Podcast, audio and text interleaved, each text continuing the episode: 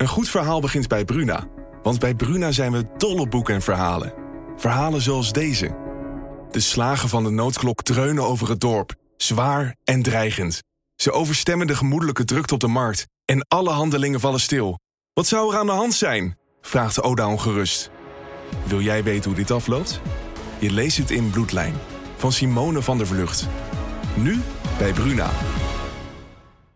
Deze podcast wordt mede mogelijk gemaakt door BNP Paribas Markets. Inspiratie, educatie en producten voor actieve beleggers. Dit is Kwestie van Centen, een podcast van de Financiële Telegraaf. Met Martin Visser en Herman Stam. Martin, uh, hartelijk welkom. Uh, uh, we hebben een, nieuwe studio, dat zien de luisteraars natuurlijk niet. Maar het is zelfs nu nog beter gedaan met allerlei schermen die hier voor onze neus zijn. Ik zie je amper nog. Het ja. moet even schoongemaakt worden, zo te zien. Maar ik kan niet meer met consumptie praten deze keer. Ja, want, precies. nee, we hebben een keurig spatscherm ertussen. We, we ja. voldoen aan alle voorschriften. Nou, dit was de week hè, daar waarin we weten dat het zomaar tussen neus en lippen door maakt het kabinet even bekend. we zijn tot december nog wel de klos ja. qua maatregelen. verraste je dat, hoe ja, ze dat zeker. aankondigden? Dit was eigenlijk de eerste persconferentie waar nieuws in zat. Alleen, Even stopnieuws eerst. Ja, even ik weet niet of het helemaal de bedoeling was. Want meestal lekte alles uit. Dat heeft natuurlijk ook een reden om gewoon uh, een beetje aan verwachtingenmanagement te doen. Er wordt heel veel gesuggereerd overigens dat ze heel veel dingen uitlekken om te kijken wat er goed valt en wat er niet goed valt om dan dingen terug te trekken. Dat is in de praktijk, alles wat uitlekt wordt vervolgens vaak ook aangekondigd. Dus voor mij is dat niet de reden. Uh, het is niet in de zon van, zin van proefballonnetjes. Maar wel vaak uh, ja, dat mensen al, ongeveer al weten waar ze aan toe zijn. En dan komt de hele inkadering en de onderbouwing komt er van het kabinet en de precisering. Maar, en hier was natuurlijk van tevoren uh, de verwachting, en dat is ook gewoon gelekt. Van, hier, zit, hier gaat geen nieuws in zitten, maar het is nog een keer de stand van zaken opmaken. Er, komt geen, er wordt geen nieuwe lockdown of iets dergelijks aangekondigd. Maar er wordt gewoon wel uitgelegd waar staan we nu. Misschien nog een laatste dringende oproep van, van ja, zorg met je gedrag dat een nieuwe lockdown niet nodig is. Ja, en toen zei minister Hugo de Jonge, eh, overigens gewoon in zijn spreektekst ineens, dat de huidige gedeeltelijke lockdown tot zeker in december blijft duren. Ja. Dat was een totale verrassing. Wat we zeker weten, is dat de huidige maatregelen veel langer nodig zullen zijn dan die vier weken. En de verwachting is nu dat het in ieder geval nog tot in december zal duren. Ik moet voor mezelf zeggen, ik zat eventjes zo van, huh, zegt hij dat nou echt? Het ja. ging, ging, zo snel. En, ja. Uh, nou, kijk, de raar is een beetje, de ene kant is natuurlijk in die zin geen verrassing, omdat de ja, we, zien natuurlijk de cijfers. Dus ik denk dat heel veel mensen erop rekenen van... nou, we gaan echt op een volledige lockdown, stevenen we af. Nou, die keuze maakt het kabinet nu nog niet. Dus dat de huidige maatregelen langer zullen duren... is in die zin niet zo heel erg raar. Maar de manier waarop dat dan gebeurt... zo achterloos. En uh, terwijl tot dan toe, uh, bij de communicatie natuurlijk heel duidelijk... ja, er wordt echt aangekondigd. Dat van, nou, we hebben dit besloten. En mm -hmm. dit is de maatregel. En officieel is dit dus ook nog geen, geen kabinetsbesluit. De minister zegt dat dan wel in zo'n persconferentie... Wat dan weer geen persconferentie mag heten, maar het heet dan weer een oploopje. oploopje en, en ja, dat is allemaal totale semantiek. Uh, wat echt helemaal, dat, is, dat is echt voor de, voor de in-crowd. En voor de rest van Nederland is het gewoon een mededeling van het kabinet voor, voor het Nederlandse volk. En zo moet het interpreteren. En dat, ja. dat gaat niet in gradaties. Dat is natuurlijk nee. totale flauwekul. En vond je niet bijna ook een belediging voor al die ondernemers die nu en werknemers ook die in de problemen komen. Om ja. gewoon een oploopje te noemen en dan zulke maatregelen Ja, dat is zeker. En we weten natuurlijk ook dat er binnen het kabinet ook nog gedebatteerd en gediscussieerd wordt over de vraag of dan de hele horeca al die tijd dicht zou moeten blijven. Want we weten natuurlijk dat het OMT heeft eerder geadviseerd, misschien kunnen restaurants wel open blijven.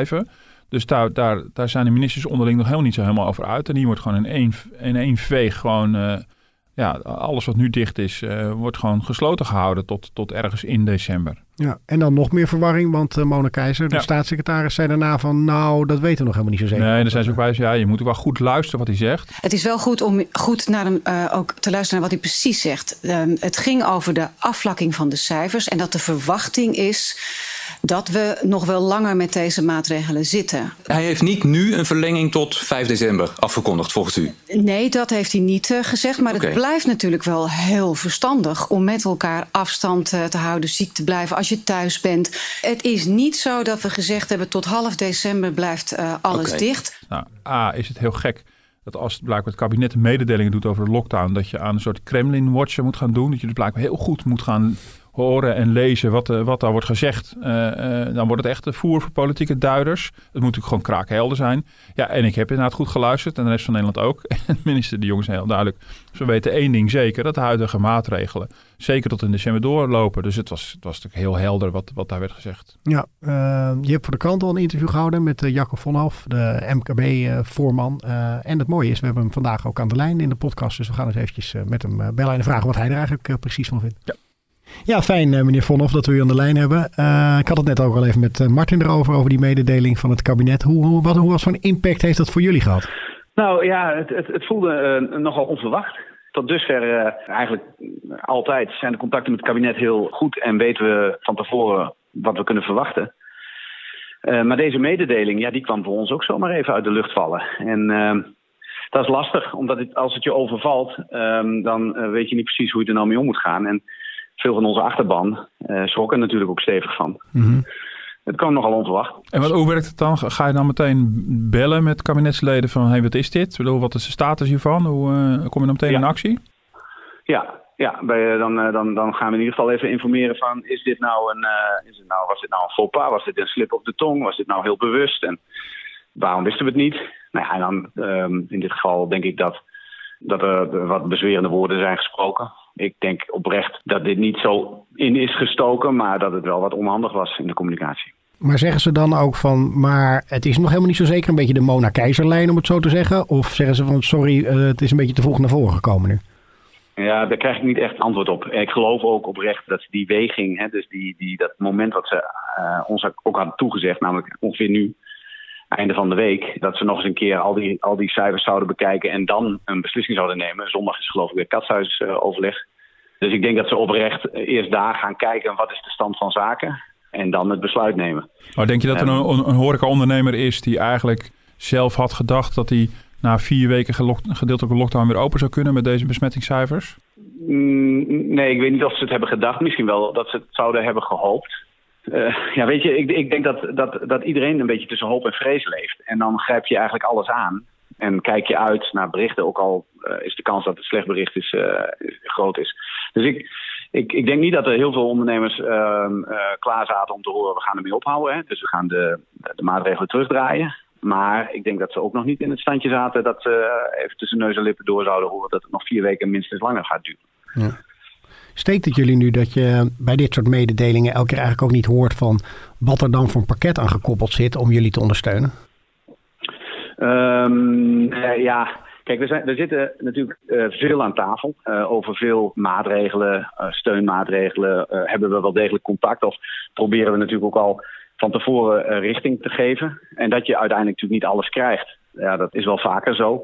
Um, meestal, moet ik heel eerlijk zeggen, zitten we wel redelijk op koers en krijgen we goed voor elkaar dat er aandacht is voor de zaken die nog niet goed waren in het, in het pakket. Ja, en natuurlijk is er een hele wasstraat voor de, onze overleggen met, met het kabinet, met werkgevers, werknemers en het kabinet. Dan komt er nog de wasstraat van de coalitie, uh, het kabinet zelf, de ministerraad. En dan komt er nog al die advisering van op dit moment adviescolleges aan het kabinet overheen. Uh, dus ja, dat dat uiteindelijk na, na zo'n heel proces niet precies is wat je, wat, waar, waar, je zelf dacht dat je uit was gekomen, dat, ja, is all in the game. Mm -hmm. um, maar per saldo um, zijn we nog steeds wel uh, redelijk tevreden over het totale pakket zoals het er vanaf dag één uh, is komen te liggen. Maar mijn beeld is wel steeds dat het, dat het economische beleid, dus de steunpakketten, steeds met vertraging reageert op wat Hugo de Jonge en Mark Rutte weer beslissen. Ja. Um, ik kan me voorstellen, ik weet niet wat jij hoort van je achterban, dat ondernemers er af, af en toe misschien wel eens wanhopig van worden. Ja, ondernemers natuurlijk sowieso wanhopig. Uh, allereerst natuurlijk gewoon vanwege dat rottige virus. Dat staat op één. En we hebben natuurlijk vanaf dag één wel ook tegen het kabinet gezegd. Het is wel belangrijk dat je ook andere onderdelen dan alleen de volksgezondheid en uh, de druk op, uh, op de zorg weegt. Want die economie is ook een hele belangrijke factor. Maar gebeurt dat voldoende alleen... in jouw ogen? Nou, het, ik denk, laat ik zeggen dat we nu dichter tegen het kabinet aanzitten als in het begin. En dat we dus dus dat je langzamerhand die positie wel is veranderd. Men heeft meer oog voor, het, voor de economie. Maar als je zegt van weegt het nog genoeg? Ja, wat mij betreft niet. maar mijn rol is ook, ik ben voorzitter van MKB Nederland. Ik kijk naar deze hele situatie met een economische blik. Door de ogen van mijn ondernemers. Uh, maar realiseer me natuurlijk dat er ook andere mensen aan die tafel zitten. Nou, en ik ben nog wel eens wat teleurgesteld over de nou ja, de, het, het, totale gewicht wat wij in de vergelijking stoppen ten opzichte van al dat andere. Nog steeds? Maar ja, ook dat, ja, nog steeds. Maar dat blijft natuurlijk ook zo. Omdat, ik zal niet zeggen het is nooit genoeg, maar als je ook bijvoorbeeld kijkt naar, naar, naar, naar specifiek de horecaondernemers. Die, die, die springen het meest in het oog omdat we allemaal ons biertje missen en we allemaal wel weten wat die mensen op dit moment overkomt, omdat het zo dichtbij is. Als je die horecaondernemer neemt en je zegt, jij moet de deur dicht doen. En je kunt dus gewoon niet open en je mag niks verkopen. Ja, wat is dan de ratio erachter om die steunmaatregelen zo te maken dat hij net genoeg krijgt om niet om te vallen, maar net te weinig om fatsoenlijk uh, zeg maar, door de crisis heen te kijken.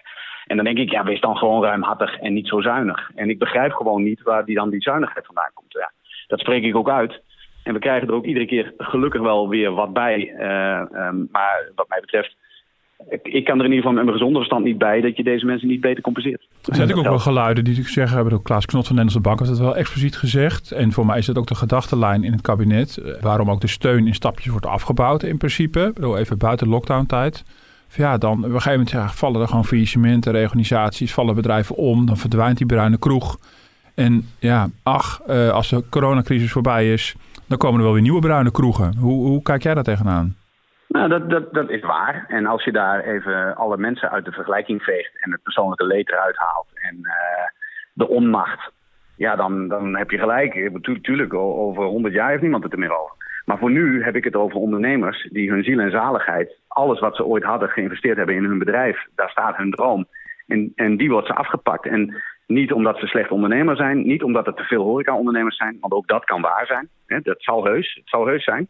Maar op dit moment is dat toch niet de discussie die je hebt. De discussie is, iemand mag zijn deur niet open doen en daarom komt er gewoon geen geld binnen. En ja, dan vind ik dat niet heel kies om dan te zeggen, ja, nou ja, dat moest toch al een keer.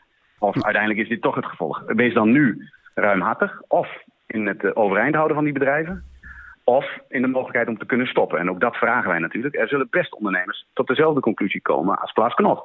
Namelijk, mijn bedrijf heeft geen toekomst meer.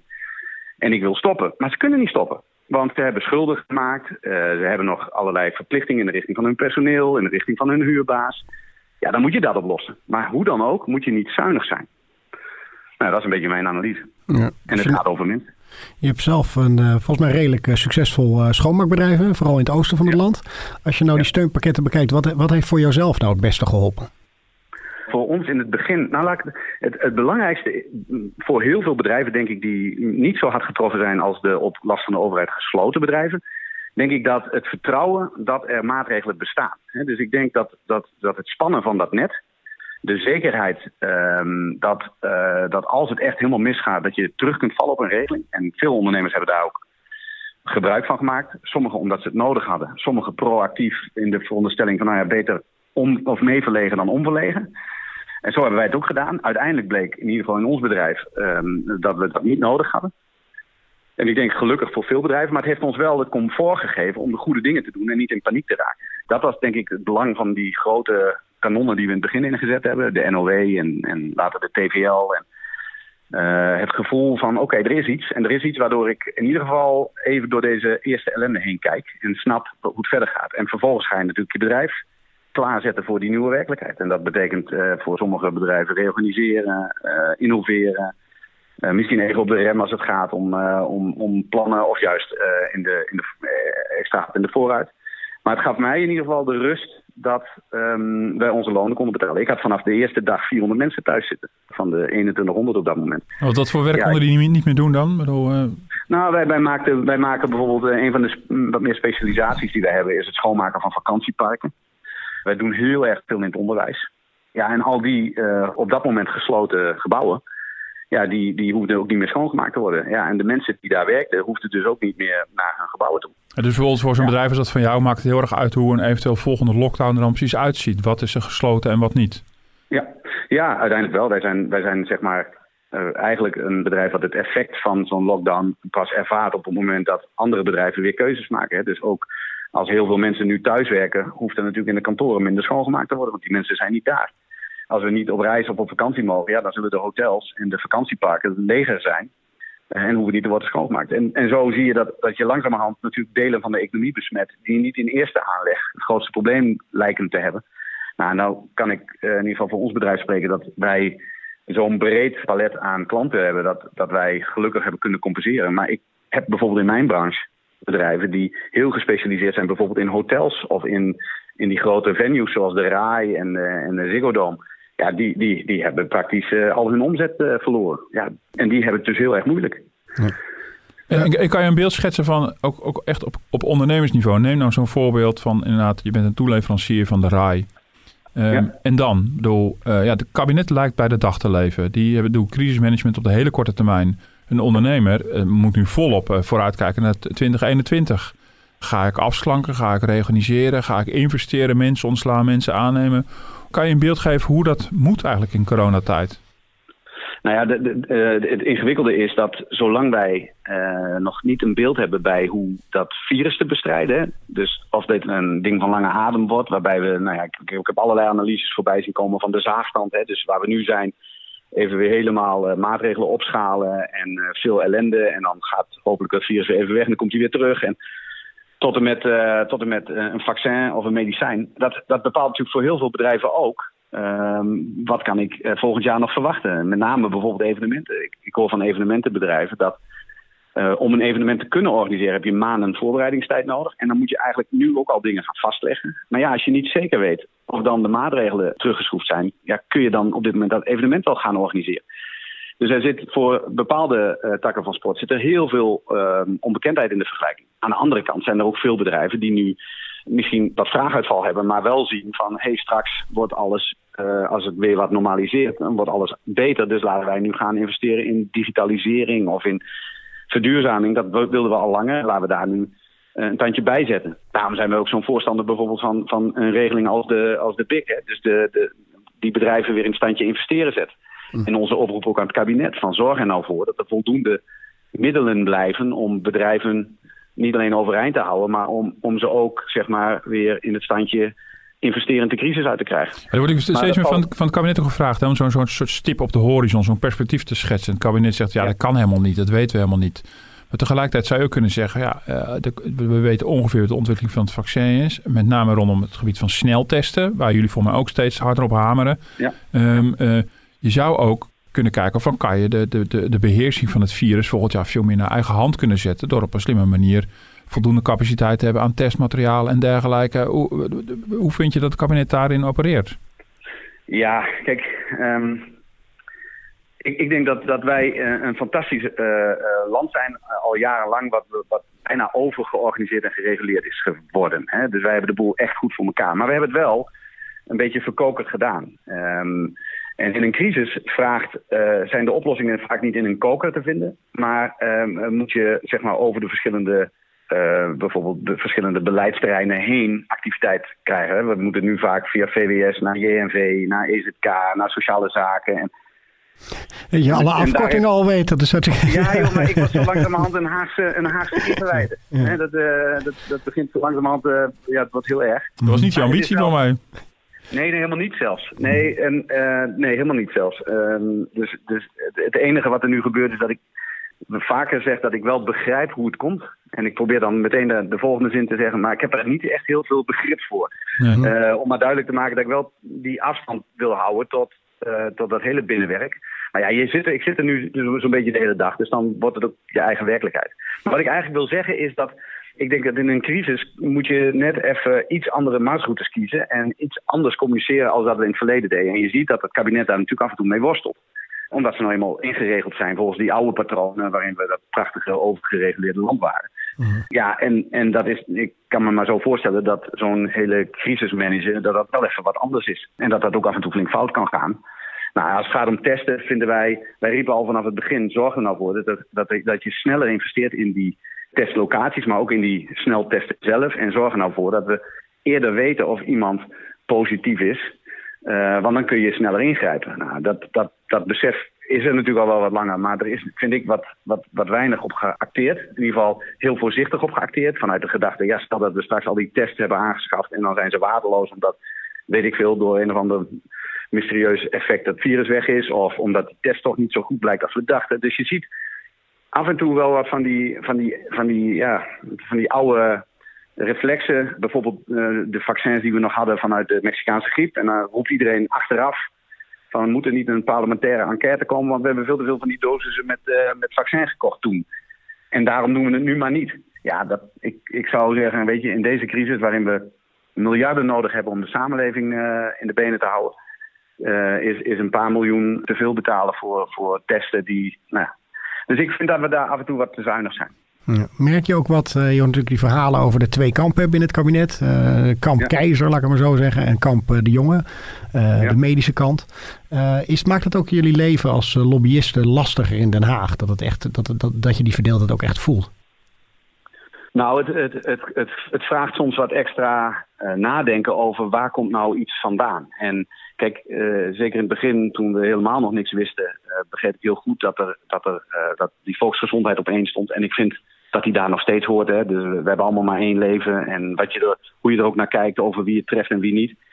Dat je die levens wilt beschermen, dat dat de taak is van de overheid. Dat ze ervoor moeten zorgen dat hun inwoners, dat de bevolking, nou ja, in ieder geval dit soort onheil niet raakt. Dat snap ik. Uh, maar langzamerhand, wat ik in het begin van dit verhaal al zei, uh, wil je toch ook andere impact toetsen. En die komt vaak ook vanuit de economie. Want als die economie kapot gaat, en onze banen um, verdwijnen. En mensen komen thuis en worden ongelukkig, ontevreden. Gaan niet meer besteden. Je krijgt vraaguitval, je krijgt vertrouwensproblemen. Maar je krijgt ook allerlei sociale problemen in, de, in wijken tussen arm en rijk. Um, ja, weet je, dat zijn ook hele reële dingen die misschien nog wel veel meer impact hebben op onze gezondheid als alleen dat virus. Nou, en ja, daar vind ik is, is dat verschil tussen die twee kampen nog wel eens lastig. Omdat je het idee hebt dat je continu met, met zoveel bewijs moet komen van het een. Om, eh, om de anderen in het standje te krijgen van, oh ja, we dat ook eens meewegen. Dus een van mijn oproepen zou ook zijn, dat OMT, prima. Maar begin nou alsjeblieft ook een keer met een clubje economen, sociologen. En uh, voor mij part uh, psychologen van, wat is nou de impact van dit hele gedoe op de economie? En weeg dat dan mee. Nou ja, dat, uh, en ik denk dat dat ook uh, dat, dat zo langzamerhand ook wel tussendoor komt. Ja, voor jullie een spannend weekend. Om even naar de actualiteit uh, te gaan. Ik bedoel, lockdown of geen lockdown. Er zijn natuurlijk een campagne begonnen een paar weken geleden. Voorkom ja. nou die lockdown. Wat is je gevoel? Wat is, wat is jouw informatie? Nou, aan, het, aan zeg maar, alles wat ik de afgelopen week heb gehoord, zowel in de binnenlijn als nieuwsconsument, is dat men ongelooflijk huiverig is om die laatste stap te nemen. En dat wil men alleen maar doen als het echt niet anders kan. Dus we kijken aanmächtig naar de getallen. En ik hoop dat we er bij weg kunnen blijven. Ik vond, het is al bij wijze van spreken erg genoeg dat we het ket van die tijdelijke uh, gedeeltelijke lockdown, dat we die moeten verlengen. Want dat is volgens mij wel al gezegd, dus dat zal er vast van gaan komen. Uh, maar nog meer en zwaardere maatregelen, ja, dat zou echt, uh, dat, ik denk dat dat heel slecht zou zijn. Um, en ik hoop dat ze daar niet toe hoeven overgaan. Dat ze voldoende aanwijzingen zien in de getallen, in de, in de, in de feiten. Die um, ze op het idee brengt om, om dit nog maar even zo vol te houden. Om ons als bevolking op te roepen, ons aan de regels te houden. En ervan uit te gaan dat, dat wat we nu aan het doen zijn echt helpt. Uh, want nogmaals, nog zwaardere, uh, nog zwaardere maatregelen zou in ieder geval economisch heel veel schade berokkenen. Jullie trekken ook altijd op hè, met de, de, de grote bedrijven, de via VNO om het zo te zeggen. Zit er nou ja. nog veel verschil in, in wat voor eisen jullie het belangrijkste vinden? Nee, nee, ik denk als rode draad niet. Kijk, wij, wij zitten natuurlijk wat meer tegen de wat kleinere ondernemers aan. En als je bijvoorbeeld, eh, een van de dingen die nu uh, ook gaan spelen zijn zaken als quarantainekosten. En dus veel ondernemers hebben zieke werknemers thuis. Of werknemers die in contact zijn geweest met iemand die ziek is en misschien wel corona had thuis iemand hebben die corona heeft. En dan moet je natuurlijk gewoon thuis blijven. Dat hebben we afgesproken, thuisquarantaine. Maar die, dat verzuim, als ze nog niet ziek zijn, maar ze zijn wel thuis... en ze kunnen niet thuis werken, dat moet die werkgever wel betalen. En veel van mijn MKB-achterban heeft mensen thuis en moeten ze gewoon doorbetalen. Uh, dat kost geld uh, en daar, dat wordt niet vergoed. Want daarvoor hadden ze een verzekering moeten hebben. Of, um, en, en dat is lastig, want wij vinden eigenlijk dat dat onterecht is... omdat bij die individuele ondernemer neer te leggen. Dus wij hebben gevraagd om een quarantainekostenregeling. Nou, dat is in de uitvoering onwijs lastig. En ik zei al, ik begrijp dingen nu veel beter. Maar ik heb nog steeds geen begrip voor het feit dat we niet gecompenseerd worden.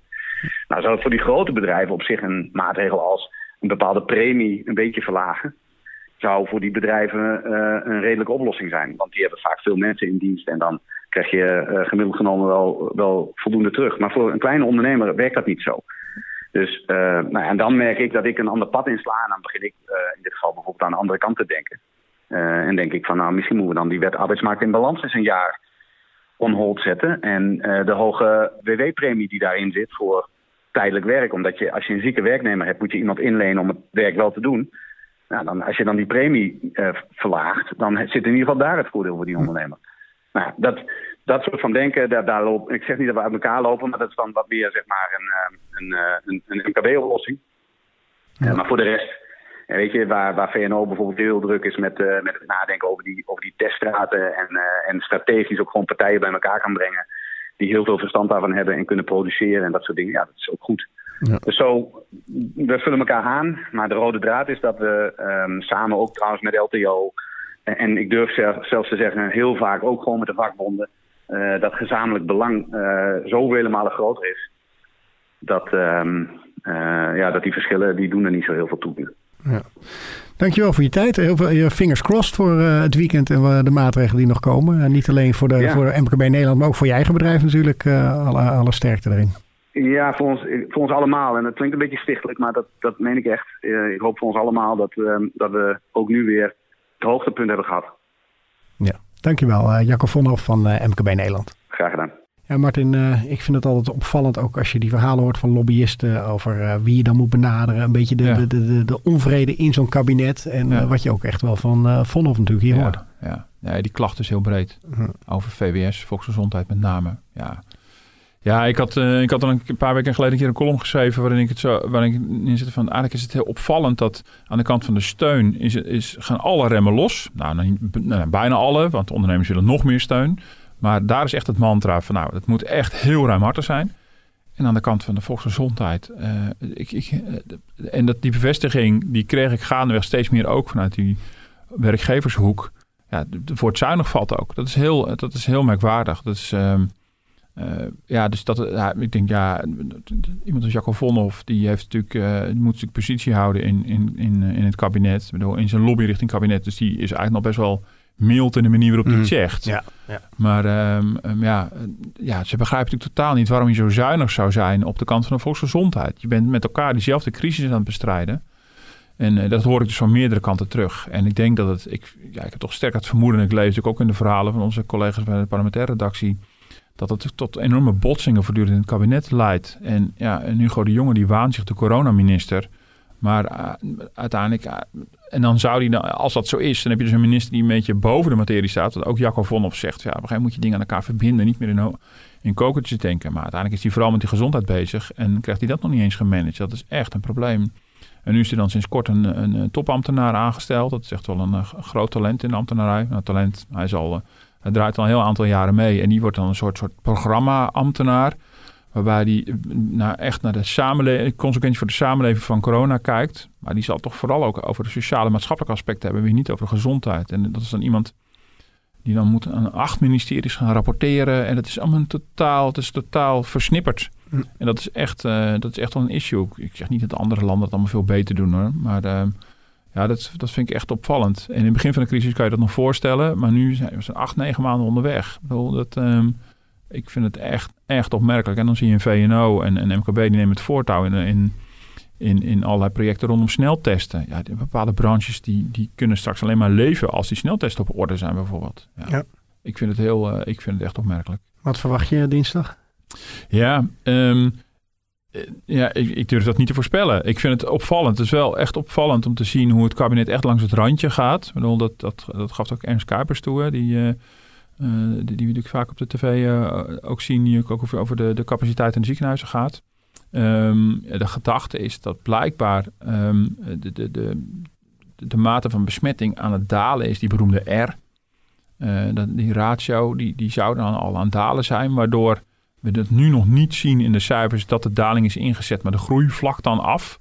En dat zou betekenen als je nu een totale lockdown doet, terwijl de groei eigenlijk aan het afvlakken is, dan heeft die lockdown op zichzelf niet zoveel zin. Behalve dan dat je dan misschien iets sneller teruggaat. Maar die, die, die, enorme piek bij de, bij, de, bij de ziekenhuizen, die zou je dan toch wel hebben. Dus als, als daar koersen ze nu toch dan weer op hebben, de capaciteit op de ziekenhuizen, kunnen de ziekenhuizen het zelf niet aan.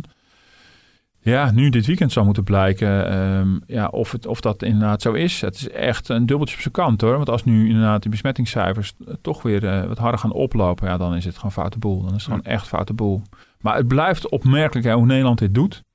Um, aan de ene kant klaagt uh, Jacob Vonhoff erover dat we economie te weinig meewegen. Maar je ziet dat Duitsland met veel, veel gunstiger cijfers eigenlijk in zijn, in zijn gedeeltelijke lockdown alweer verder gaat. Waar ook musea en theaters en zo gesloten zijn. Nou, in Nederland zijn de theaters de facto gesloten. Maar dat mhm. hoeft officieel niet. Um, dus ja, het is wel. Uh, Nederland vaart af en toe wel een eigenwijze, eigenwijze koers uh, hier. Ja. Nou, we gaan het zien of we volgende week uh, per telefoon uh, met elkaar moeten inbellen. Of dat we hier nog uh, bij deze mooie nieuwe schermen aanwezig kunnen zijn. Maar, Zet een dubbel kuchscherm zetten ja. ertussen. Misschien kunnen we dan gewoon livelijk hier nog zijn. Want ja, het is natuurlijk ook fijn, dat zullen heel veel mensen die thuiswerken herkennen, om af en toe even achter je keukentafel weg te mogen. En uh, wij hebben de podcast als excuus om Precies. naar, uh, naar ons werk te mogen. ja, ja, nou dankjewel weer voor, voor je tijd, uh, Martin. U kunt ons beluisteren op iTunes en op Spotify. En ook weer mailen op dft.podcast.nl. Tot volgende week en bedankt voor het luisteren. Tot volgende week.